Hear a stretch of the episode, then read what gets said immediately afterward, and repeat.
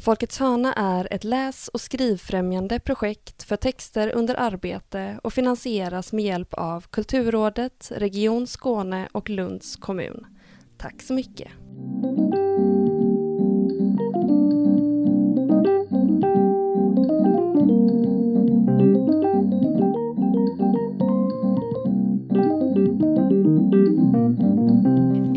Och välkomna till Folkets hörna, en podd om den skrivande praktiken eh, med mig, Emilia Palmén och Agnes Stenqvist. Med oss idag så har vi Jens Mattsson. Hej Jens! Hej!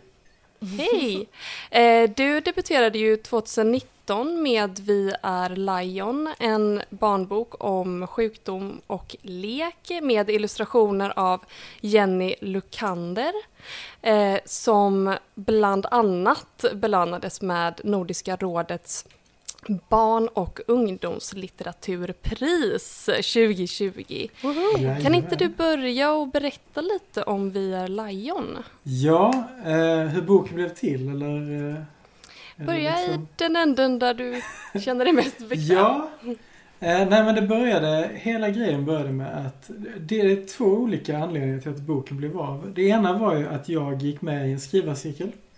För mm. jag hade ju gått eh, folkhögskola skrivarlinje för jättelänge sedan och sen efter det inte skrivit särskilt mycket. Eh, och då var det en bekant som startade en skrivarcirkel för eh, skräck, fantasy, science fiction. Ganska långt från bilderböcker kan man säga. Mm, ja. eh, och, eh, och då kom jag igång med skrivandet igen. Och så hade, har jag en kompis som hon snöar liksom väldigt mycket in på grejer. Eh, och går all in. Och sen eh, eh, hittade hon en ny grej. Men hon hade gått in på det att hon skulle bli bilderboksillustratör. Och frågade om inte jag som ändå skrev kunde skriva ett bilderboksmanus. Mm. Och då var ju grejen att jag jobbade som barnbibliotekarie och läste ju, för jag hade sagostund varje fredag. Varje fredag klockan tre så ska vi läsa tre stycken böcker. Eh, Fy fan vad mysigt ja, det, jobb alltså. Det är den bästa arbetsuppgiften jag har haft. Näst efter eh, när jag var på särskola och det var disco på schemat. Åh, oh, underbart. Mm. Fredagar 11.15 till 11.35 disco. Yes. Den bästa diskotiden ändå. oh yes. Uh, nej men då, då uh, så uh, hade jag ju läst väldigt, väldigt mycket bilderböcker. Mm. Dels för att när jag hade högläsning så ville jag ju inleda med liksom något kort och snärtigt för att komma igång. Och så något matigt i mitten och så något roligt som liksom avslutar med en knorr. Mm. Um, och då läser man ju en himla massa för att hitta tre som passar ihop och så ska det inte vara sådana man har haft innan och så vidare. Så jag har ju läst väldigt, väldigt många bilderböcker. Så jag har ju liksom i alla fall då hade jag någon slags känsla, tänker jag, liksom för hur rytmen och dramaturgin och, och hela den biten. Roligt att du också inom de här tre böckerna som du skulle läsa också hade en inbördes dramaturgi som du förhöll dig till. Jo men det är ju, det är ju en show. En sagostund. Ja. Det är ju liksom, du måste ju tänka på hela Hela... Vilket proffs alltså. Ja. det finns nog lika många sätt att hålla sagostund som det finns barnbibliotekarier tror jag. Mm. Men eh, jag hade det med mig i bagaget. Så frågade då min kompis om inte jag kunde skriva ett bilderboksmanus. Och det gjorde jag det. Eh, och överlämnade det till henne. Och så sa hon att eh, ja men det här var väl bra men det var ju bara skit. För jag hade ju fyllt varenda uppslag med detaljerade instruktioner för hur bilderna skulle se ut. Ah. Och då förklarar min kompis för mig att eh, det är ju det som är illustratörens roliga del i hela, hela bilderboksskapandet. Att få lösa bilderna. Att liksom få vara den som kommer på hur man ska illustrera um, Ja men liksom eh, Ja Välja ja. ut liksom detaljerna och så vidare. Uh, och att om jag tog ifrån henne det så hade hon ju inget kul. Då var det ju bara fylleriuppgift och det var, liksom, det var jag absolut inte intresserad av. Eh, plus att det var lite konstigt manus och, och det kunde jag liksom hålla med om. Eh, men var det samma manus som, som blev Vi är Lion nej, sen? Nej, det här var, nej, det här okay, var, det här var, något helt annat. annat skit. Det var, ah, ja, okay. sen tog det ett tag och sen så satt jag en helg och bara fick den här Vi är Lion. Alltså den, den meningen. Vem säger det? Det måste ju vara det måste vara några, några barn som leker. Några syskon kanske. Och sen skrev jag liksom den, eh, det manuset. Eh, över en helg och sen putsade jag lite på det. Så gick jag till min kompis och då hade hon ju helt lämnat det här med att vara bilderboksillustratör. Det hade hon liksom varit den stora grejen under ganska lång tid. Eh, och nu hade hon då lämnat det för att eh, syssla med, jag vet inte om ni känner till, men så här japansk pyttematlagning.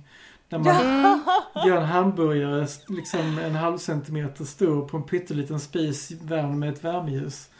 Det är många sådana filmer som dyker upp på min Facebook i tiden sådär. Så man gör en jätte, pytteliten så har man ett litet värmeljus liksom så steker Exakt. man på det sådär. Hon, hon har gått vidare från det sen dess liksom. Men hon går ju väldigt, väldigt hårt in. Men det är ofta ganska nischat liksom. Eh, Mm. men då tyckte hon ju att eh, ja, men du kan ju skicka in den till förlag. Mm. Eh, och jag hade även utsatt min skrivarcirkel för det här manuset. Och de tyckte ju att jo men det är bra men vi har ju inte läst några bilderböcker typ ever. Så vi, vi kan ju inte säga någonting om det. Eh, så då skickade jag in det till alla de 15 största förlagen som gav ut bilderböcker då. Det här var ju rätt länge sedan. Mm. Eh, och så kom det ju liksom de här nej tack, tack nej. eh, De här standard, till och med någon som gav mig ett mail med bifogad standardrefusering.pdf där de hade fyllt i mitt namn. Nu minns jag inte vilka det var men det var något rätt stort Åh, förlag ändå liksom. Oj, Eh, och, och, och mellan det att jag skickade in det och, eh, och sådär, då eh, började jag jobba på förlag. Så att jag har liksom följt den här processen från två sidor så att säga. Mm. Eh, för att efter ett halvår så ringde de från Naturkultur och frågade, har någon skrivit på? Vi vill jättegärna göra det, men det var liksom ja, men dagen innan jul. Eh, Mm. Ja. Hon skulle bara kolla så att vi kunde göra det efter jul för hon skulle gå på ledighet och hon var så stressad. Och, och, eh, och jag, jag liksom, ja, nej, det är ingen som har hört av sig så att eh, det kan vi göra liksom. Eh, och då är det ju så att om man är debutant, eller, eller jag tror att också när man jobbar med, om man är ny för förlaget, så vill ju förlaget veta att man går att jobba med. Så då blev det att hon lämnade lite förslag. Kan du liksom titta på om du ändrar det här och det här och det här i texten eller funderar på kan du jobba om de här bitarna. Eh, och så gör man det liksom och bollar lite fram och tillbaka för att se hur man är att jobba med och sen skriver man ju avtal. Eh, och det är ju så, tänker jag, oavsett vad det är för slags böcker. Alltså att förlaget vill veta att man inte är, är omöjlig. Mm. Det finns ju de som har, eh, det här manuset är min bebis, ni kan aldrig få, få röra vid det. Och då är ju Mm. svaret att det kommer ju aldrig bli en bok. För att en färdig bok är ju en, en lag, ett lagresultat, det är teamwork som ligger bakom liksom. Mm. Mm. Oavsett hur mycket eller hur lite text det är. Men hade du med dig det, den analysen av dig själv i utgivningsprocessen i och med att du har varit på andra sidan också då? Nej, alltså för det, det var snarare att jag, eh, det här var, då var jag fortfarande barnbibliotekarie. Eh, och sen eh, när vi skrev på avtalet så började jag jobba på eh, ett annat ställe och sen började jag jobba på förlag. Så att Mm. jag, på förlagssidan så var jag ju den som tog emot manus och beställde illustra, illustratörsuppdrag och så vidare. Eh, så jag kände väl att jag var ju ganska ödmjuk inför att det är förlaget som bestämmer ju. Alltså det du gör när du skriver under avtalet är att du ger ju dem licens att ge ut din bok. Mm. Så rent krasst har du ju redan sålt dig när du skriver på. Liksom. så, så, eh, så jag visste ju det på något vis. Eh, och det var liksom inga, det var inga jättegrejer som, som ändrades i manus. Utan det blev ju väldigt mycket så att den texten som blev färdig då när vi, hade, när vi skrev på är ju nästan ordagrant den som är i den färdiga boken. Okej. Eh, för att i och med att jag hade gjort texten väldigt sparsmakad, lämnat väldigt mycket utrymme för illustratören och redaktören, Mm. så kunde de jobba liksom med det sen. För att eh, en stor skillnad är att jag, bilderboksformatet är ju väldigt låst om man säger så.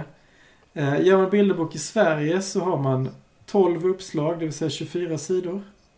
Det är vad du har. Eh, Mm. man kan gå in på folkbildningen och titta. Alla svenska bilderböcker i princip är så långa, om man inte heter Astrid Lindgren. Då har man lite mer utrymme.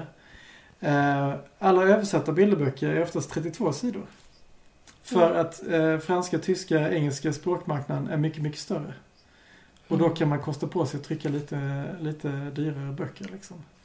Eh, vi i Sverige måste jobba baklänges. En, en bilderbok kan inte kosta mer än 100 spänn i grossistpris för att då blir den för dyr för att säljas i, i bokhandeln. Eh, så, det- så det blir lite konstigt. Men då har man liksom, man har ju det här färdiga formatet. Du har 24 sidor. Eh, Det är Mm. det du har att röra dig på. Ganska skönt också på ett sätt. Ja, jo, jo, jag. precis. Mm. För det är, jag är ju sån som går igång på att tänka utanför boxen. Alltså, det är som jag var med i liksom en, en skrivarcirkel som skulle skriva skräck och fantasy och det blev en bilderbok. Det är liksom, det är så himla, himla jävla typiskt liksom för att eh, jag vet inte. Men, men då, det jag hade gjort var att jag hade, all text var ju uppdelad efter sidor. Och det igen gjorde någon, gjorde illustrationen var att hon slog ihop på nästan alla i början, jag tror första halvan av boken, så är all text antingen på vänster eller höger sida. Mm. Och det ger ju en annan rytm. Eh, vilket var liksom, ja men det här funkar ju skitbra. Men vill du berätta lite om, om Jenny och det samarbetet, hur det kom till? Ja, eh, då var det ju det här att dels så är det ju en, en, eh, en rent krass eh, ekonomisk anledning att man vill, om man har en debutant, en bilderboksdebutant, så vill man ju para ihop den med en etablerad illustratör. För att bilderboken är ju bilderna. Alltså, det är ju så, Mm. barn vet ju inte vem som har skrivit texten, det är ju bilderna man känner igen. Och det är samma med deras föräldrar. Eh, så då är det liksom, för att sälja en debutant så är det bra att ha någon som vars bilder är eh, ja, men folk kan känna igen. Ja, en viss Eh, stil liksom. Precis, men det är också det här att det är jättemånga som vill bli bilderboksillustratörer. För det är liksom, det är ju ändå barnkulturkred att vara bilderboksillustratör. Eh, Men att vara bilderboksillustratör kräver ju också att du kan göra karaktärerna Oavsett vad de hittar på i boken så ska de ju ändå vara likadana på första uppslaget som på sista. Det vill Mm. säga du måste kunna leverera 24 sidor eller 12 uppslag beroende på hur man jobbar med bilderna liksom. Som ändå känns som att det är samma karaktärer. Så, det, och det är också, så därför är det skitsvårt om du som illustratör vill ta dig in på bilderboksmarknaden. är jätte, jättesvårt. För det, alla, alla dina arbetsprover är ju liksom en, portfolio med 50 olika bilder. Men det är inte, Mm. det är inte 24 olika bilder med samma, Samma. karaktärer liksom. Mm. Ehm, Så min förläggare då, Johanna Ringertz på Naturkultur, hon ville ju att det skulle vara någon som kunde fånga, för boken handlar om två syskon eh, som leker att de är lejon. De är inte lejon utan de är lejon. Det är deras egna lejonlek liksom. Och då ska det vara att det går mellan fantasi och verklighet utan att det blir liksom unga, eller barn med lejonöron. Utan det, det måste vara liksom skiftning mellan fantasi och verklighet. Så det kräver en riktigt duktig illustratör. Så då sa Johanna, eh, kan du ge mig en topp 5-lista över vilka illustratörer du vill ha? Så, så gör jag en likadan och så gjorde vi det och så hade vi typ samma namn. Och alla Ja. de är ju så att när du väl är etablerad illustratör så är du ju uppbokad för flera år framöver. Mm. Eh, så att alla som vi då, de här fem vi frågade, svarade ju att åh, jag älskade manuset men jag är uppbokad för två år eller tre år eller jag är så uppbokad så jag vill inte ta fler grejer just nu. Ja. Mm. Eh, och så sa Johanna det att jag tycker det är viktigt att det blir rätt snarare än att det går snabbt. Jag hoppas det är okej med dig. Och jag sa ja, alltså jag freeloadar gärna på en kändis. Jag har liksom inte, ingen stress. Det är liksom, eh, jag, jag är redan så gammal så jag är inte en ung debutant liksom. Eh, och då så, ja men så kändes det lite som att, ja men okej men vi, vi, det, det, vi hittar inte riktigt någon i Sverige. Kan vi börja, om vi ska börja kolla utomlands. Och då är det så att Johannas sambo, han är fransman. Så han gjorde en snabb översättning av, eh, vad var det, Nous sommes de Lyon.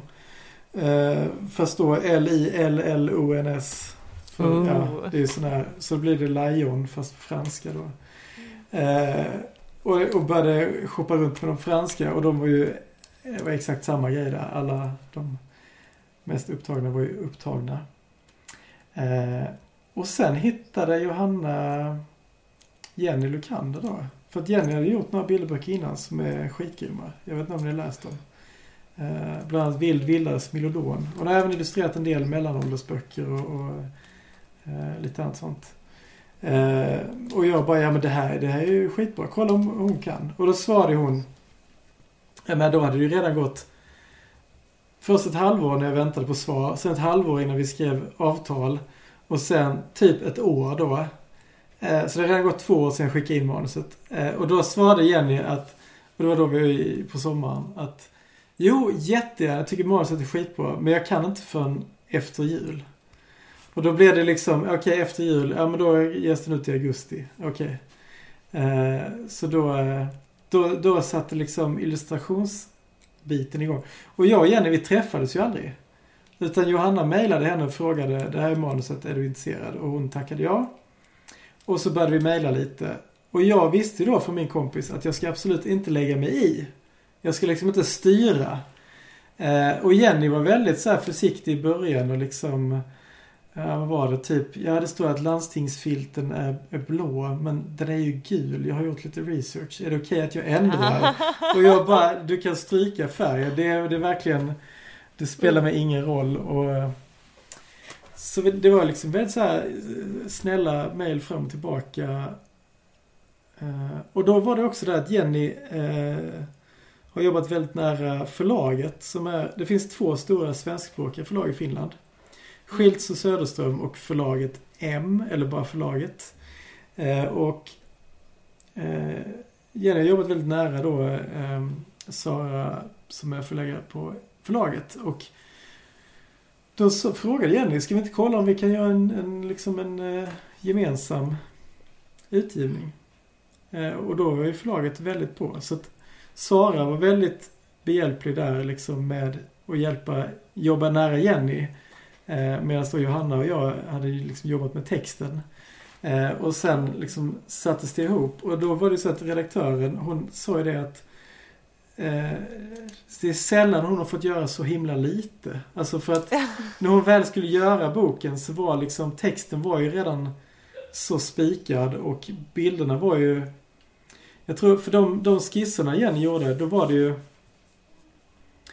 eh, kanske på tre av de här tolv uppslagen som vi inte riktigt tyckte att hon hade fångat.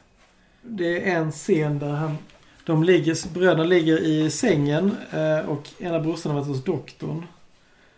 Eh, på kvällen berättar min bror att han fick en spruta och att doktorn tog lite av hans blod.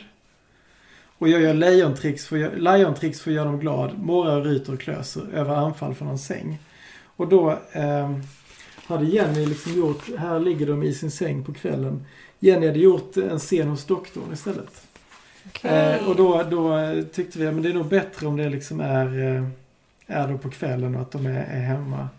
Just det. Eh, mm. Och sen var det någon annan grej. Men jag menar, resten... Och också att det är den där våningssängen. Ja. Eh, mm. Men alltså resten är ju bara Jennys geni rakt igenom. Liksom. Mm. Jag har haft extremt lite att påpeka.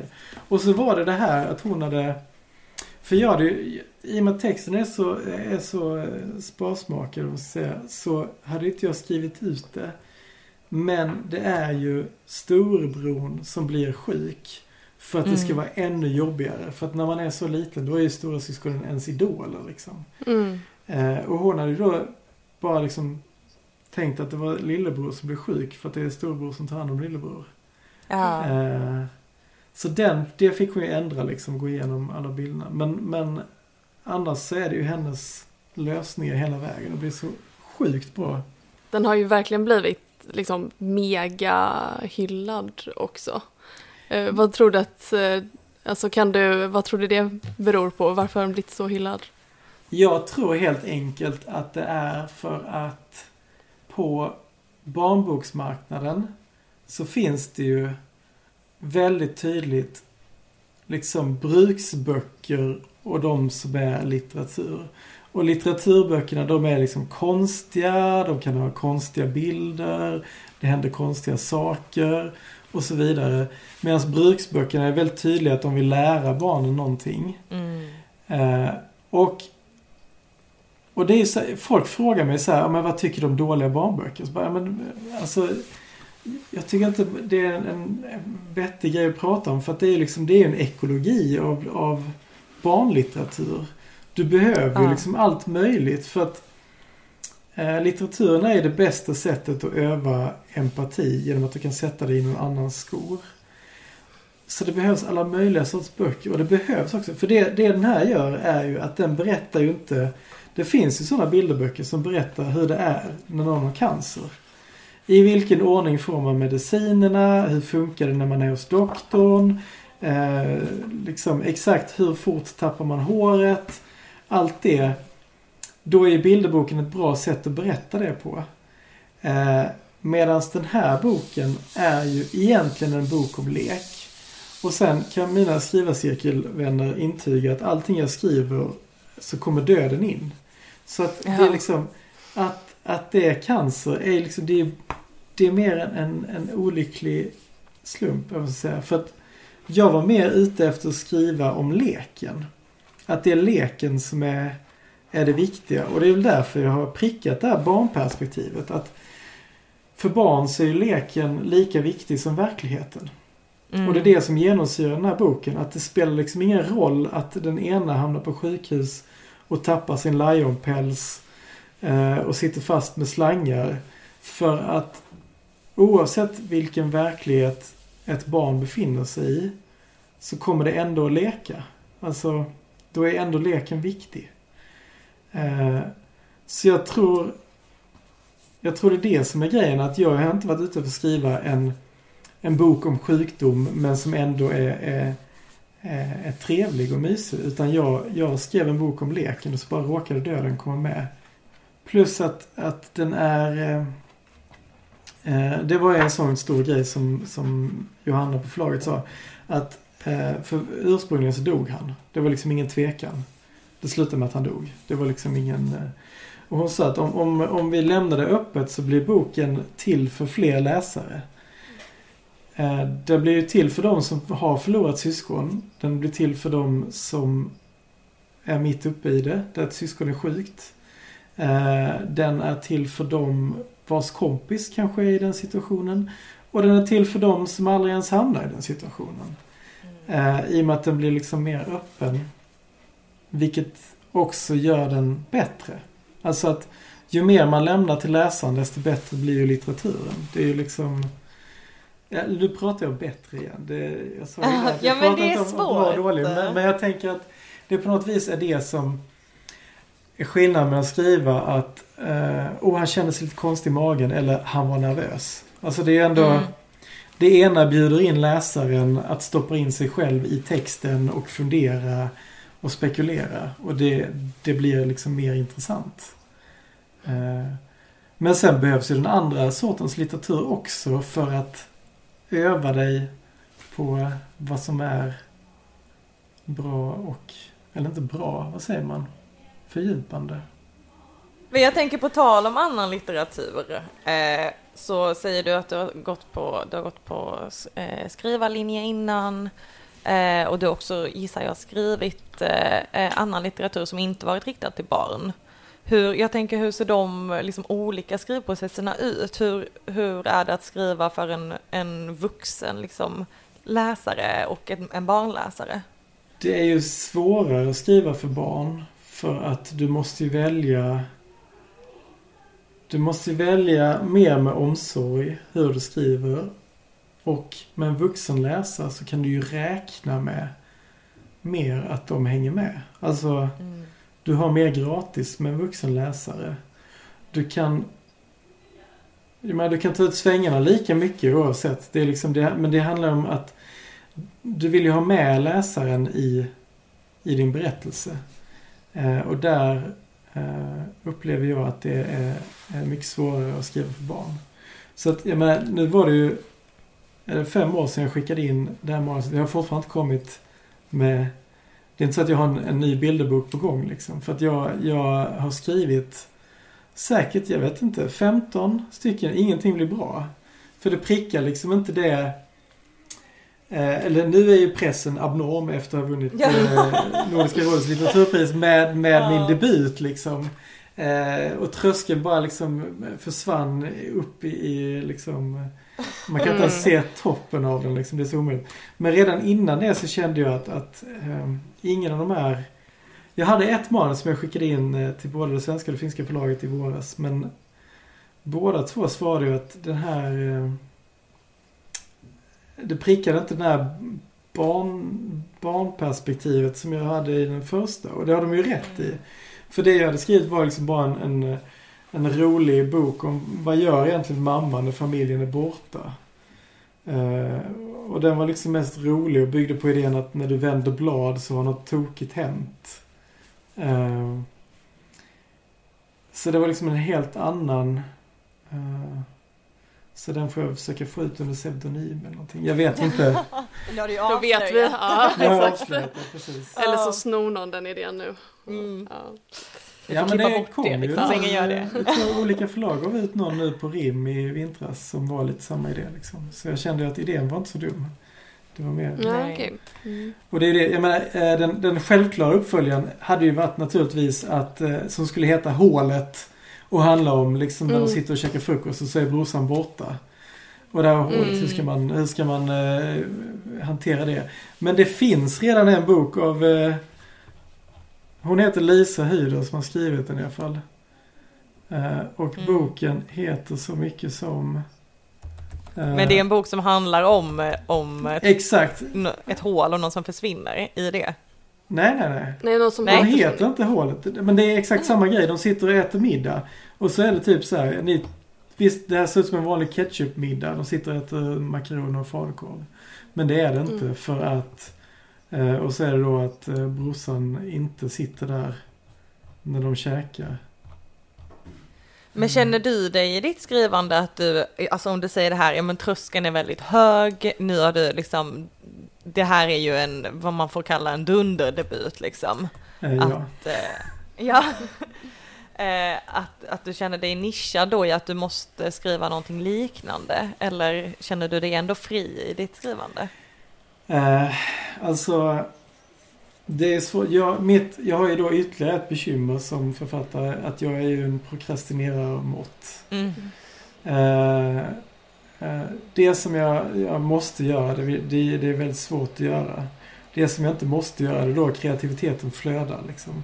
Mm. Eh, så att, jag menar, under tiden som det här manuset blir antaget så har jag ju skrivit ja, början på tre olika romaner och eh, skitmånga dåliga bilderboksmanus. Eh, något seriemanus och, och nu har jag börjat fila lite på eh, en sån här eh, skräckpodd.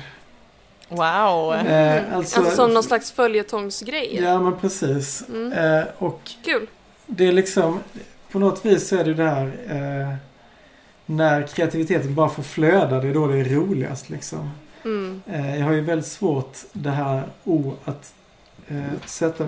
Min kära sambo Erika Olofsson Liljedahl, hon är ju författare och skriver vuxenromaner och att sätta sig med samma manus om och om igen, dag ut, dag in eh, och liksom fila på det. Och jag är så sjukt imponerad att hon kan liksom göra det. Jag, jag, jag, eh, Mm. och det är liksom det här eh, när man pratar om, om själva skrivprocessen att det finns eh, de som, vad är det, arkitekterna och, och trädgårdsmästarna. Ja. Eh, arkitekterna som plottar allting i förväg och sen bara är det fylla i och så blir man färdig.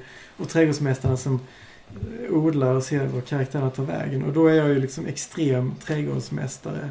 Bara att Ja. jag, jag tröttnar innan tomaterna ens syns utan då ger jag mig på en ny växt liksom. Det här med att man ska ha grit och uthållighet och liksom eh, genomföra saker. Det är ju liksom ytterligare ett bekymmer. Eh, så att det här att, att det förväntas att jag ska leverera i samma kaliber gör ju att den här förväntanströskeln blir ju så himla himla stor att det är väldigt lätt att, att inte göra det liksom. Mm. Den blir liksom en, en eh, skrivkrampskaraktär i sig på något sätt. Ja men precis. Det är, jag, jag har liksom inget, inget vettigt svar. Jag hade ju själv velat att jag redan när boken eh, var färdig hade fem nya bilderboksmanus och eh, hej Mm. vad det går liksom. Eh, så att mycket handlar väl om att acceptera vem man är och hur man funkar liksom. Mm. Mm. Och alltså det är det som är så himla skönt också att höra om hur andra gör. Att alla gör ju på olika sätt. Alltså det är ju, man kanske har, det är klart att det finns en norm eller någon slags ideal men det finns ju hur många olika sätt att göra saker på som helst. Att skriva. Ja, Ja. och att liksom så leverera. Liksom. Ja, jag tycker också det är väldigt skönt att höra. Ja, och jag tänker samtidigt också att alla de här idéerna som det liksom inte blir någonting av eller som blir halvdana, det är ju också jag tänk, för mig när jag har sådana idéer eller sitter och skriver och bara så nej men nu lämnar jag detta och börjar på något nytt, det här var inte kul, yada yada, att eh, de, de skapar ju ändå någonting. Eh, och de får ändå mig att typ förstå någonting av vad det är jag vill skriva. Att det liksom på något sätt bygger antingen det eller att det blir så här, ah, nej men okej det här var en dörr jag inte ville gå in i. Jag gick in en liten bit, kikade runt i det rummet som fanns och sen backade jag ur, stängde den dörren och sen öppnade vi nästa. Och till slut Mm. hittar man liksom ett rum där det är så här, ja men här var det eh, särskoledisco liksom. Mm. Och här vill jag vara. mm. Mm. Ja, och sen tänker jag också på att liksom det här med find your grit-grejen, att det är väl också att prova massa olika grejer och inte bara jobba på en och samma sak liksom tills man liksom är blå i ansiktet och sen så kommer någon och säger att nej men det här var ju inget. Nu har jag live-googlat lite här. Det var ju inte Lisa Hyder. Jag är värdelös på namn. Det, är- det är mitt stora handikapp. Mm. Eh, när man som jag jobbar med barn och ungdomar. Man ska ju, alla ska bli sedda och få höra sitt eget namn. Annika Mm. Hedin. Annika Hedin. Mm. Hon har skrivit boken Stig. Stig, Stig. okej men det var close enough. Ja, det var så sjukt långt ifrån. Men, eh, men eh, Stig, så, så uppföljaren till Vi är Lion finns redan. Men är Ja, skriven och illustrerad av helt andra personer. Eh, och handlar om helt andra barn. Men det är ju liksom... För det var ju den idén jag hade nästan direkt. Och så bara, okej den boken är redan gjord. Och det är lite så, jag menar, allting är ju redan gjort. Frågan är hur man gör det. Mm. Ja, såklart. Så det, jag, jag, liksom, jag känner ju aldrig att det är... Eh, eh, jag har ju aldrig haft idé, eller problem att hitta idéerna eller liksom komma igång. Utan mitt är ju liksom att genomföra det och göra färdigt grejer. Liksom. Det är inte... Mm. Eh, och jag tror också... Eh, egentligen passar bilderboksmanus-grejen mig. För att det är ju rent praktiskt många färre sidor att eh, få ihop till en Mm. färdig bok. Liksom. Eh, Men jag tänker, alltså jag, jag själv är ju väldigt investerad i barnlitteratur i och med att jag studerar det just nu. mm. Ehm, och jag har varit så spänd på att liksom sitta här och prata med dig just för att det, det är så det är väldigt intressant att vara på liksom den teoretiska sidan av barnlitteratur och studera liksom fältet och analysera färdiga produkter. Men jag, jag fastnar så himla mycket i tanken liksom hur, hur det görs just, hur, hur det är man skriver och just Ja, bilderböcker. Och, och speciellt när det är så liksom att det är ofta den här finurliga känslan i texten tycker jag, men också det här det komprimerade, att det är nästan ju färre ord, desto mer finns den här öppenheten för, för liksom tolkning, men också att hitta den balansen där någonstans. Alltså det är ju kanske det bästa forskningsfältet att ge sig in i. Ja. Barnlitteraturen. Det är ju... eh, Det finns ju så mycket för att eh, när man tittar på bilderböcker så är det ju eh, om så i mitt fall när det är en helt annan person som illustrerat. Eh, då, då är det två hjärnor som har varit inblandade. Sen så har du det fallet när samma person skriver och illustrerar och då spelar det roll om de började med bilderna eller texten. Och det har ju Mm. oftast att göra med om de från början är illustratörer eller, eller liksom författare. Ehm, och, och jag vet, för, för jag och Jenny vi, vi träffades inte på riktigt förrän jag åkte över till Helsingfors bokmässa. Eh, några månader efter att boken kom ut. Eh, och vi skulle medverka i en panel om eh, eh, författare och illustratörers samarbete. Och då blev det Mhm. så här, ja okej vi, vi, vi, har, vi har aldrig sett för tio minuter innan. Eh, när jag kom, Så sjukt. jag kom springande från spårvagnen in på den här mässan och så, ja hej Jenny, och, trevligt. Eh, men vi fann varandra direkt, det var, det var bara trevligt liksom. Eh, Mm. Men då var det mycket så här frågor, hur, hur, hur bollar ni idéer med varandra? Så bara, nej, alltså det, det var extremt lite mejl ändå liksom eftersom det var Jennys förslag och, och jag bara, ja jo, vad ska jag säga? Det här är ju magiskt liksom. Mm. Ehm, men jag kan tänka mig att det finns liksom andra, jag tror utifrån att ha jobbat på förlag då med liksom författare och illustratörer och sånt. Att det svåra är ju när den som har skrivit texten har jättemycket åsikter om bilderna. Mm. Mm. Eh, för att man kanske hade en, en bild i huvudet av hur de här personerna skulle se ut och då spelar det liksom ingen roll vad illustratören har för bild. Mm. Eh, och där har, har jag en, en sällsynt eh, bra grej. Det, jag vet inte om ni känner till begreppet afantasia. Nej. Berätta. Ja, men det, det är eh, ett ganska sällsynt eh, handikapp. Eh, och det är det här att ehm, alla sägs ju ha en inre, inre skärm. Att ni, Ja. när ni läser så skapar man bilder eh, eh, inne i huvudet liksom. Mm. Eh, men har man en fantasia så, så har man inte den skärmen eller så funkar den jävligt dåligt. Och Jaha. eh, för mig så är det ju att jag skapar liksom inga bilder i huvudet. Jag har aldrig haft något bekymmer med att när en när bok blir film att Nej men hon ser inte alls ut som i boken för att för, för jag kan liksom inte översätta om det står att ja men hon var jättelång och rödhårig. Då är liksom beskrivningen av karaktären är att hon är jättelång och rödhårig. Och då har jag liksom Men jag stoppat gud, in det i ett fack då att hon är jättelång och rödhårig. Men det blir liksom ingen bild av det. Eh, Nej. Och sen i andra Men- scener när det spelar roll att hon är lång för att andra får titta upp på henne. Ja okej det är klart för att hon är lång. Men jag har liksom ingen bild av det. Ehm, och, se- och, Så du var liksom helt fine då med Jennys alla illustrationer? Precis, så att jag hade liksom inga, inga, inga färdiga. Men det är också, det är också så här, hur beskriver man det här för någon som har den här skärmen inuti huvudet? Det går ju liksom inte riktigt att förklara för det går ju inte att fatta. Det går ju inte att fatta. Eh, för jag kan ju, för jag, menar, jag kan ju fortfarande skriva eh, en- bildinstruktioner. Jag, menar det är ju liksom inte eh, för att så har det varit alltid och jag har ju lärt mig copingstrategier liksom. Eh, När, när, när fick du reda på, eller när upptäckte du det här? Alltså det var några år sedan och det var bara helt random. Någon på Facebook skrev, Det var typ en sån här clickbait-rubrik. Typ eh, Do you have trouble visualizing? Maybe you have a fantasia. Så bara, jaha vadå? Okej, klick. Eh, och så bara, jaha. Och så var det ju Ja men precis, och då var det att någon eh, sån här typ BLC-kändis i USA hade lagt upp typ eh, Har ni också svårt att visualisera? Har ni liksom ingen inre skärm? Och så hade jättemånga svarat på detta. Och sen hade någon forskare i, i England blivit intresserad och skapat uttrycket afantasia då. Och liksom, så det, det är relativt nytt. Eh, jag, jag har träffat en annan som jobbar här i samma kommun som jag. Som, han, han är helt utan inre skärm. Jag har ju jag, jag har ju till exempel så har jag ju liksom inga Jag har ju minnesbilder. Men det är mer som så här en glimt. Jag kan liksom inte jag kan minnas grejer. Jag kan liksom se det lite framför mig. Men jag kan liksom inte hålla kvar bilden i huvudet.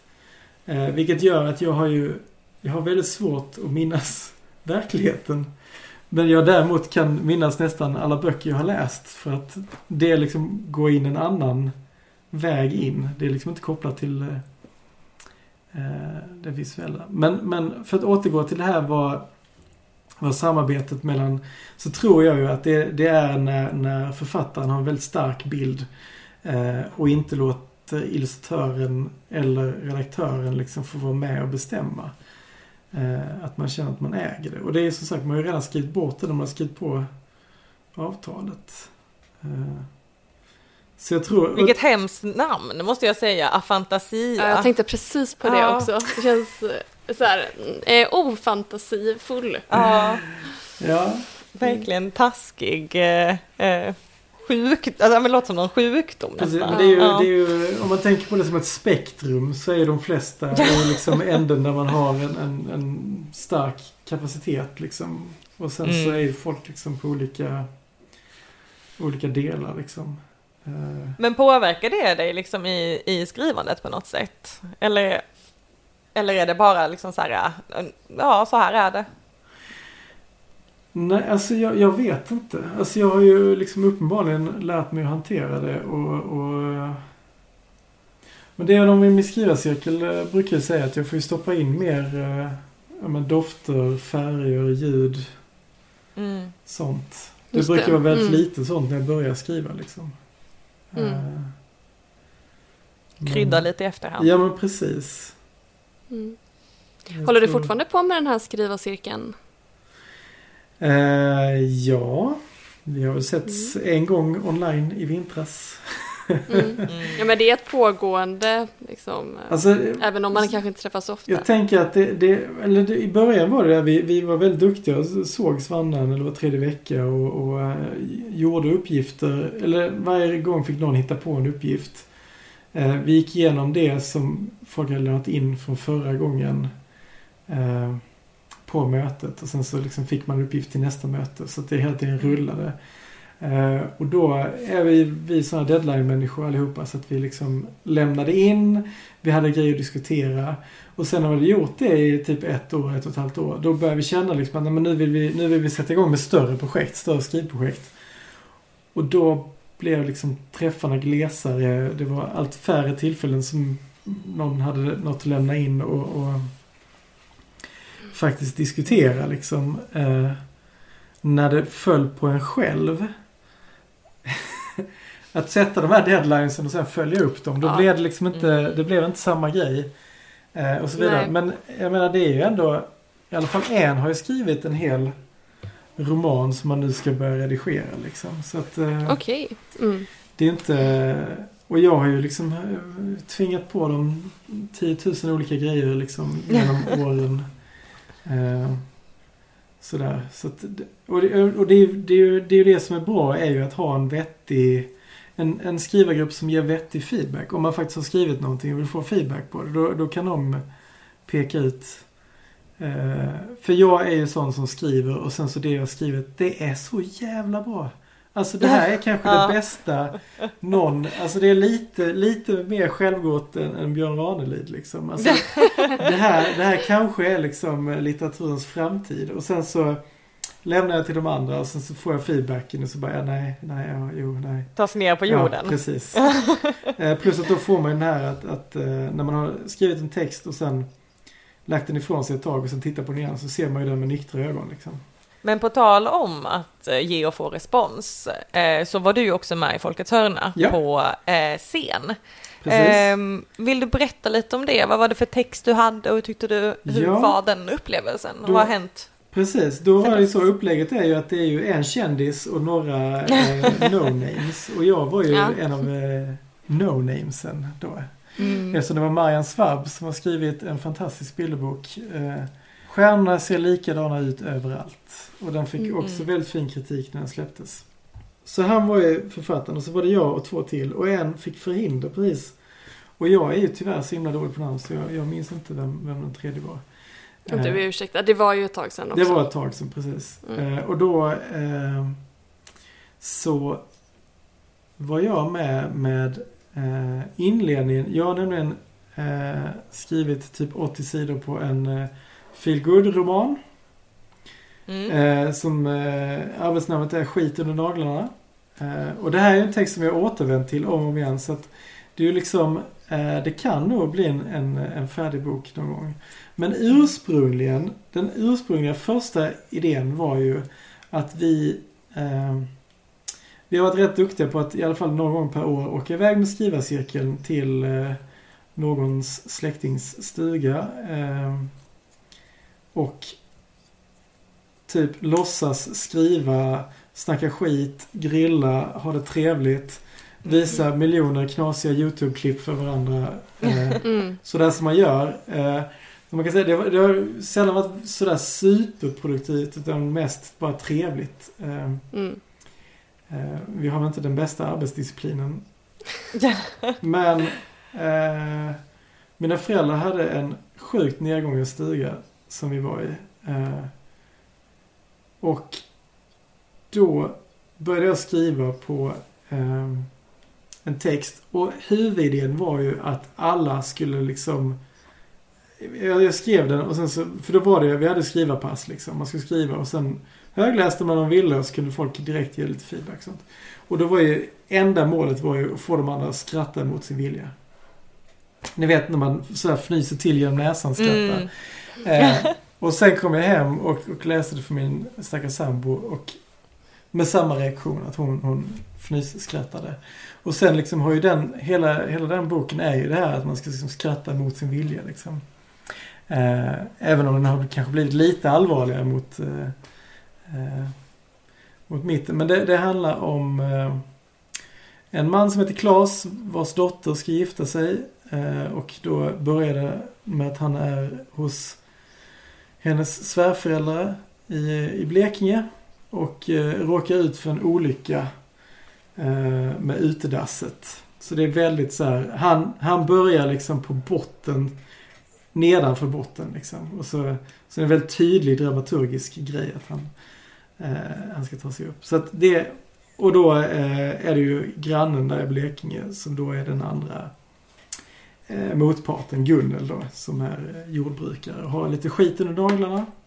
Att, och, det var, och det var liksom första, första kapitlet typ på den texten som var det jag läste upp. Och det, det var så himla kul för det är ju det, nu är jag ju bortskämd med att ha en skrivarcirkel och få det här liksom eh, feedbacken. För det är det som är det götta med att gå och skriva kurser.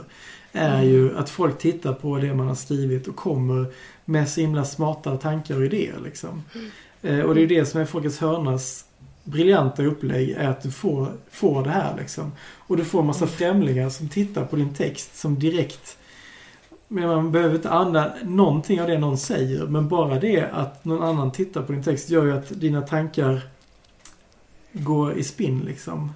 Ah. Eh, så här var det ju liksom, jag tror nästan, ja men halva publiken hade ju åsikter om hur det egentligen går till att tömma ett utedass. Att jag liksom, att jag hade helt sumpat hur det faktiskt går till. Eh, Ovärdigheten där va? Alltså, mm. och jag, jag kände ju att det här var liksom bara... Eh, men att det var så intressant att, att folk bara så direkt gick igång på att, att eftersom det var en, en verklighetsbaserad text. Mm. Så var det liksom de, de här rent praktiska... Att jag hade gjort dålig research. Det var det Ja. som de liksom... Eh, Du föll på. Ja, precis. Medan de, ja men Therese och, och, och panelen hade ju mer om, om textmässiga liksom så här. Men det, det var lite Mm. oväntat men lite roligt. Och då minns jag liksom att det, det kunde vara så på folkhögskolan. Att vi hade väldigt upprörda samtal om, om så här rent praktiska grejer som vilket, vilken affär som ligger bredvid Systembolaget. Ja. Och sen Mm. liksom så här, som så här i efterhand bara det där är ju verkligen det är liksom sista vändan på förlaget grejer Mm. liksom. Ja. Mm. Men jag tycker också det är intressant, för jag tycker det är någonting jag kan känna ibland när jag läser också. Att när det är, nu kanske det inte behöver vara just så, men den butiken ska ligga där, men att om det är att någon gör någonting som man inte, som inte känns rimligt. Alltså inte nå- något stort, men typ så, ja men han eh, tog två hoppsasteg. Eh, Och jag bara, nej men man tar alltid tre hoppsasteg. Alltså Mm. något sådant. Att jag kan haka upp mig så otroligt mycket på det och liksom nästan diskreditera en hel roman av det, om det är något sånt som biter sig fast för mycket i mig. Så det där utedasset är ändå viktigt. Men det är också, det är också helt subjektivt. Eh, för jag var med på, eh, vad heter det, Bergen Littfest i Norge nu i helgen via länk eh, på grund av Mm. Corona. Eh, jag och Jenny eh, fick vara med Monica Fagerholm på ett seminarium Mm. om eh, Nordiska rådets prisvinnare. Eh, och Monica Fagerholms senaste bok Vem dödade Bambi har ju fått jättebra kritik och sånt. Och den är Mm. väldigt bra. Men där var ju en typisk sån grej som jag hakar upp mig på. Det utspelar Mhm. sig i en fiktiv förort. Så jag menar, det är redan, hon har ju redan lagt liksom så här att det är en massa påhittade grejer. Men, men eh, så är det vissa grejer är liksom eh, som att någon har beställt märken från en viss butik. Då är det liksom ett riktigt märke. Men sen är det någon annan som läser Nej, de, hon jobbar på en eh, eh, tankesmedja som heter Guldfontänen. Som bygger då på eh, någon dålig amerikansk författare som heter Gain Hand. Och så bara, det här är Mm. bara en omskrivning för Ayn Rand. Och varför, varför inte behålla Ayn Rand? För alla vet ju att det ändå är, alltså och det hakade jag upp mig jättemycket på. Och så Ja. insåg jag att det här är ju helt subjektivt. För det är en massa andra grejer hon, hon bara hittat på. En del är riktiga, en del är inte. Mm. Så varför det är just den, just den kände jag bara, "Ah, det här tar mig helt ur, ur berättelsen. Och så då får man ju liksom inse att det är ju, det är ju subjektivt liksom. Ja. Mm. ja, det är sant. Sa du det till henne också? Nej, jag sa inte det. Nej, det... Nej, men vi, är det sagt. vi, vi hade ju bara en timme och det, ju så himla mycket att prata om. Så att, eh, Ja, det är det, man pratar till att ta litteratur. upp Det är det. liksom, Du bara, jag har lite tankar om senaste manuset här. Jag har eh, markerat lite i boken. Du kan få mina anteckningar sen efter eh, seminariet. Ja men det var ju, det var ju ett av de, de här bästa uppläggen när man två helt random grejer och liksom diskuterar dem ihop. En bilderbok, en vuxen eh, thrilleraktig Mm. och liksom diskuterar dem ihop. Enda som de har gemensamt är att de har råkat vinna typ samma pris. Alltså det är liksom, det är så, eh, ja, det, det blir så, eh, det kan bli så konstigt och så helt underbara guldgrejer som man hittar liksom. Funkar det nu då? Ja, ja. Det blev, eh, Ja. blev ett, ett mycket bra samtal. Men en del grejer kändes som så extremt långsökta för att moderatorn försökte ju koppla ihop hela tiden för att vi alla skulle Ja. prata liksom. Såklart. Ja. Och det enda som är gemensamt är liksom så prissumman, typ. Ja. ja. Alltså, jag läste någonstans att det var, alltså att Nordiska rådets pris, att det är 350 000 danska kronor, stämmer det? Oh yes. Som du och Jenny delar på. Yes box. Hur, hur är det att vinna så mycket pengar? Eh, alltså det är ju så orimligt mycket pengar så att eh, jag har väl liksom inte tagit in det ännu. Folk har frågat vad har du gjort för pengarna? Ja, Alltså jag har ju köpt lite böcker. Vi ska skaffa en diskmaskin. mm. Och sen har jag lagt resten på hög för att eh, Alltså rent krasst är det ju typ en årsinkomst. Och Mm. då skulle man ju på sikt kunna ta ledigt ett år och skriva. Eh, men grejen är att jag känner mig själv tillräckligt väl så att jag vet att skulle jag ta ledigt ett år för att skriva så skulle jag ta ledigt ett år för att spela mobilspel och läsa Mm. tidningen. Det är liksom inte... Mm. Det är inte Det- för skam det heller. Det är inte sig, skam det heller, men det är liksom, jag vet inte. Jag, jag, jag fnular nog lite på vad jag ska göra med det liksom. Men det som Ja. är roligt är att Nordiska rådet delar ut samma prissumma till barnlitteraturpriset och vuxenlitteraturpriset och miljöpriset och filmpriset och musikpriset. Vilket Mm. gör det tämligen unikt liksom. Ja. ja, exakt. För det finns ju någonting som är att, alltså, sättet att se på barnlitteratur som någonting som inte får vara en del av liksom, allmänlitteraturen. Som är väldigt, eh, men väldigt intressant för att det är en, en sån banal uppfattning av barnlitteratur. Eh, Precis, vad heter hon, eh, forna läsambassadören? Johanna Strömbäck? Nej, jag är så dålig på namn. Men hon brukar lacka ur på det här att om barn, eller om, om författare vinner någon slags barnpris så ska det skålas i hallonsoda och, mm, och geléhallon. Liksom. Man, man, får Mm. inte, man får inte vinna på riktigt liksom. nej. Eh, och det är ju den här klassiska eh, hierarkiska finlitteraturen, fullitteraturen. Mm, Eh, och det är ju och det är också det är så vi människor verkar funka. Att vi alltid sorterar allting i, i, i hierarkier, finhet, fulhet liksom. mm, men jag har ändå så pratat en del, en del inför det här samtalet också just eh, om att en barnbok har ju liksom två läsare eh, och att det är den vuxna och barnet. mm. Och du som själv har varit liksom, ehm, Barn. eller är, som har varit barn. Du som har den unika Eh, Nej upplevelsen. men som bibliotekarie tänker jag. Alltså att man, hur, hur, hade du med det i, i ditt tänk när du skrev eh, manuset till VR Lion? Eller försökte du liksom tänka bort Ja, den men det, vuxna? precis, den frågan får jag rätt mycket. Såg du att det saknades en sån här bok?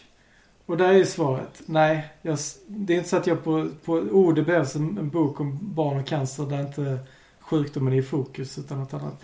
Jag skrev ju, jag skrev, jag bara hittade på. Det är också, det var alltså frågan. eh, har du, hur, hur har du upplevt det här? Eh, liksom, typ, vad är min roll? Ja. Är det här en berättelse Mm. från när jag var liten eller, eller jag, är det, det. mitt barn som att som bara, nej, jag, jag har bara hittat på. Jag, jag har tagit Ja. mig den friheten som författare att bara, Ja, bara på. fantasia. Ja, precis. Nej, Men, jag det är tänkte liksom- mer sådär... Eh, ja, nej, men jag, jag, jag fattar vad du menar. Och då, och då tror jag det är det här att jag läser sjukt mycket bilderböcker. Att jag Mm. eh, ändå hittade... För det är också så här... eh, När man säger bilderbok, det är lite som att säga roman. Alltså men det är ett begrepp som rymmer allt från eh, de enklaste pekböckerna till Petson och Findus som är liksom Mm. romaner. Jag vet inte Mm. om, det är skitmånga vuxna som så här kommer in, lånar Petson och Findus och sen kommer tillbaka och bara herregud. Jag hann läsa ett uppslag vid läggdags liksom. Eh, inte hela boken. Eh, för att det är så sjukt mycket text i dem. Och liksom Mm. allting i det ryms inom bilderboksbegreppet. Eh, men jag menar, det jag skrev var ju eh, en bok som skulle funka när jag har sagostund. Eh, som den här lite matigare i mitten-boken som ändå inte är Ja. så mycket text. Det var ju liksom min utgångspunkt. Och att eh, dramaturgin eh, ändå är lite enkel i den liksom. Den är inte, det är inga komplicerade grejer och det är ju inte skrivet på rim och sådär liksom. Utan det är ju mer skrivet, mer, jag har lagt mig nära barnets språk liksom. Mm. Eh, ja men att de är smygtysta jättelänge så pappan somnar när de är på sjukhuset. Och, Mm. eh, ja men liksom Gubbflodhästar är bra, de kan känna rädsla på riktigt och sånt. Det är liksom eh, Så jag, det är väl klart att jag hade med mig det i, i, liksom i ryggen men jag, jag tror inte jag tror inte man automatiskt blir en bra bilderboks eller barnboksförfattare för att man är barnbibliotekarie. Däremot så tror jag att precis som för alla författare så är man ju hjälpt av att läsa det Mm. man skriver. Eh, om du inte läser så är det väldigt svårt att göra en bra bilderbok. Och nu för tiden är det ju väldigt enkelt att göra sina egna böcker. Om du bara hostar upp pengar. Det svåra är ju att kom- nå Ja. ut med dem. Eh, så då får man ju rätt ofta uppleva ehm, de bilderböckerna som är skrivna av någon som till exempel, nu har jag gått i pension, nu ska jag äntligen ta tag i att skriva en bilderbok. Men jag har inte läst en bilderbok på 55 år. Mm. Eh, utan jag ska bara göra en. Och de blir ju så stolpiga och tråkiga och... Lite det här, det här, du måste inte kunna, det finns liksom inget krav på att du måste kunna ditt ämne, men du måste ju vara tillräckligt intresserad för att ha faktiskt läst lite innan du ger dig in i det. Jag tänker ofta på den här eh, Daniel Sjölin som eh, ledde Babel innan, eh, Mm. Om ni kommer ihåg honom. Han och hans kompis Mm. Jerker Wedborg skulle skriva lite äventyrsböcker under pseudonym. Eh, och nu vet, nu spekulerar jag ju bara, men, jag kan misstänka att tanken var, hur jävla svårt kan det vara att skriva lite äventyrsböcker om man Mm. annars är van och, och, och svetta ur sig finlitteratur som är riktigt svår. Eh, för att de fick ju så riktiga sågningar för att det var skrivet av folk som inte hade kläm på liksom äventyrsböcker. Eh, Mm. och det är den här klassiska synen från finlitteratur på fullitteratur, alltså på genrelitteratur får ju alltid liksom en, en lägre stämpel. För genrelitteraturen mäts ju alltid från sina sämsta exempel medan litteraturen alltid mäts från sina bästa. Det är ju aldrig Ja. tvärtom. Eh, och, och jag bara föreställer mig då att de har tänkt nu ska vi göra något kul och enkelt. och så blev det så pajigt. Jag tror bara det blev tre av planerade sju böcker utgivna. Men jag tänker att det är vanligt också, som du säger, med just barnlitteratur, att många tänker just så, att det är, att det, det här är bara, så har jag skrivit en, en bilderbok eller en barnbok. Precis. Eh, och att det, att det verkar finnas så himla lite förståelse av, av vad det faktiskt är att skriva det. Och precis som du säger också just där, att jag tror att väldigt många som tänker så inte har läst en, en öppnat en barnbok sedan de läste typ eh, Ann på Grönkulla som barn själva. Mm. Ehm, Och inte varit med om det här öppna en, en, en då, dålig, ja nu värderar, men en, en, en lite sämre bok och ett barn inte bryr sig liksom. Ja. Eller inte blir liksom fångad eller begeistrad eller sådär. Mm. Ehm, Men jag måste också fråga, eh, har du läst Via Lion på din sagostund nu? Eh, nej, faktiskt inte. Är Jag, du rädd för responsen? Nej, alltså det är mer... Eh, eh, jag vet inte. Det skulle kännas lite... Vad säger man? Nej, jag, jag vet inte. Det är ju liksom mitt jobb. eh, och- Och då hala fram min egen bok kändes inte... Inte så proffsigt, om man säger så. Jag läste den, jag hade ju en releasefest på Lunds stadsbibliotek. Eh, med Lion-pyssel och, Mm. och, och högläsning. Eh, och där var ju publiken ganska begeistrad. Det var Mm. många i rätt eh, målgrupp liksom. Eh, men eh, nej, jag, jag läste inte när jag jobbade som folkbibliotekarie. Eh, men nu, numera är jag gymnasiebibliotekarie och de är... Mm. nej, Det är en annan målgrupp. Det är en annan målgrupp, precis. Mm. Mm. Ja, man kan ju testa att köra in den där också. Tycker Ja, att man är alltså, aldrig för gammal för att läsa Precis, jag högläste det för kollegorna och eh, ja, på förra jobbet. Men de tyckte att de var jättebra. Så att, eh, sen är det ju alltid det här vanskliga när det är en bok med, eh, ja men som sjukdom liksom. Att jag hade nog gjort det om jag hade kunnat prata med personalen innan och fråga om det är något barn som är i den här situationen eller har varit i den här situationen. Men jag jobbade ju på ett folkbibliotek i Malmö och då bokade förskolan in sig via en hemsida och kom tutande med buss eh, precis innan det skulle sätta igång. Eh, Mm. Och sen stack direkt efter. Så det var liksom inte... Jag kände inte att det var riktigt utrymme att jobba med den på det viset som den kanske behöver då. Mm. När man jobbar i en stor grupp liksom. Däremot har jag, jag har ju sålt säkert 150 ex själv. Eh, Mm. Och liksom avtvingat folk att berätta hur har det gått liksom. Mm. Eh, och genomgående har det varit att barnen som är då 3 till 6 år som är liksom målgruppen tycker ju, eller de vill ju vråla som lejon och de vill Mm. hoppa från sängen och de vill så här, någon skrev Åh din jävel, jag har fått lejonvråla varje kväll i två veckor nu liksom. Tack som fan. Eh, för att de uppfattar just det här att det är leken som är det viktiga liksom. Mm. Eh, Medan de som har lite, kanske stora syskon eller som har äldre barn eller som jag bara har påtvingat boken liksom. De säger ju att typ barnen från sju år uppåt fattar ju liksom att shit han är ju jättesjuk och blir så här Mm. riktigt illa berörda och börjar gråta och liksom sådär. Mm. Och det är jättemånga föräldrar som har sagt det att åh jag läste den och jag började böla. Eh, Jag, ehm, jag, lä- jag har läst den två gånger och grät. eh, Alltså, jag har skickat bild till Agnes och bara, läs Via Lion igen och bara Ja.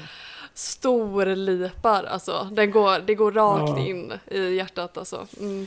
Alltså min bästis, jag bara berättade vad den handlar om och han bara jag, jag, kan, jag, kan inte, jag kan inte läsa den. Jag kan inte läsa den.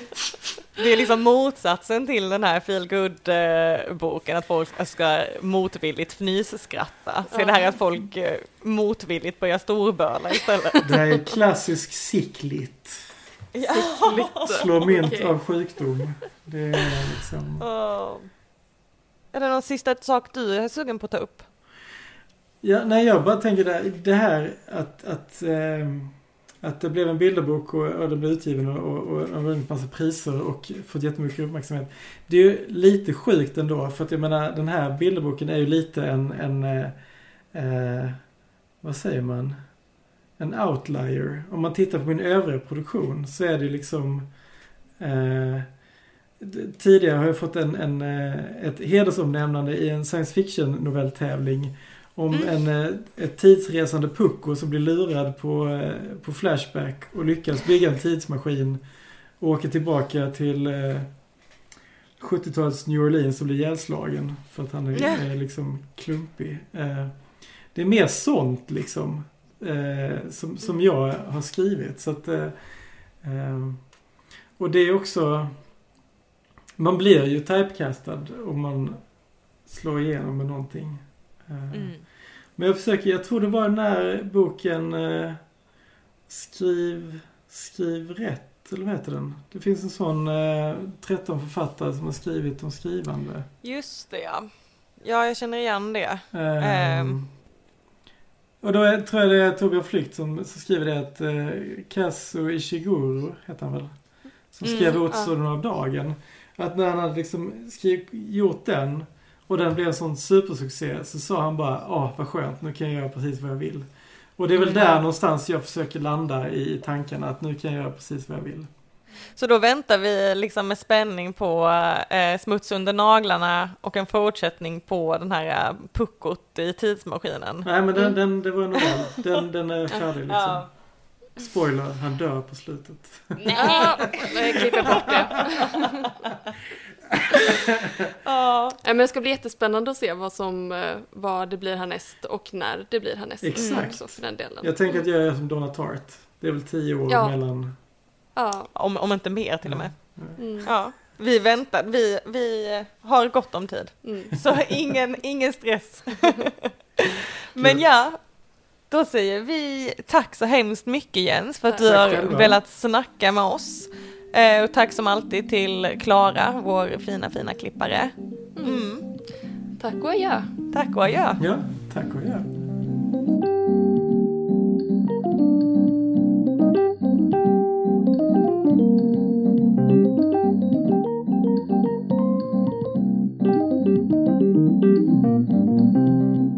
Kul att ni lyssnat på Folkets hörna. Har ni några frågor eller vill komma i kontakt med oss så kan ni mejla på hej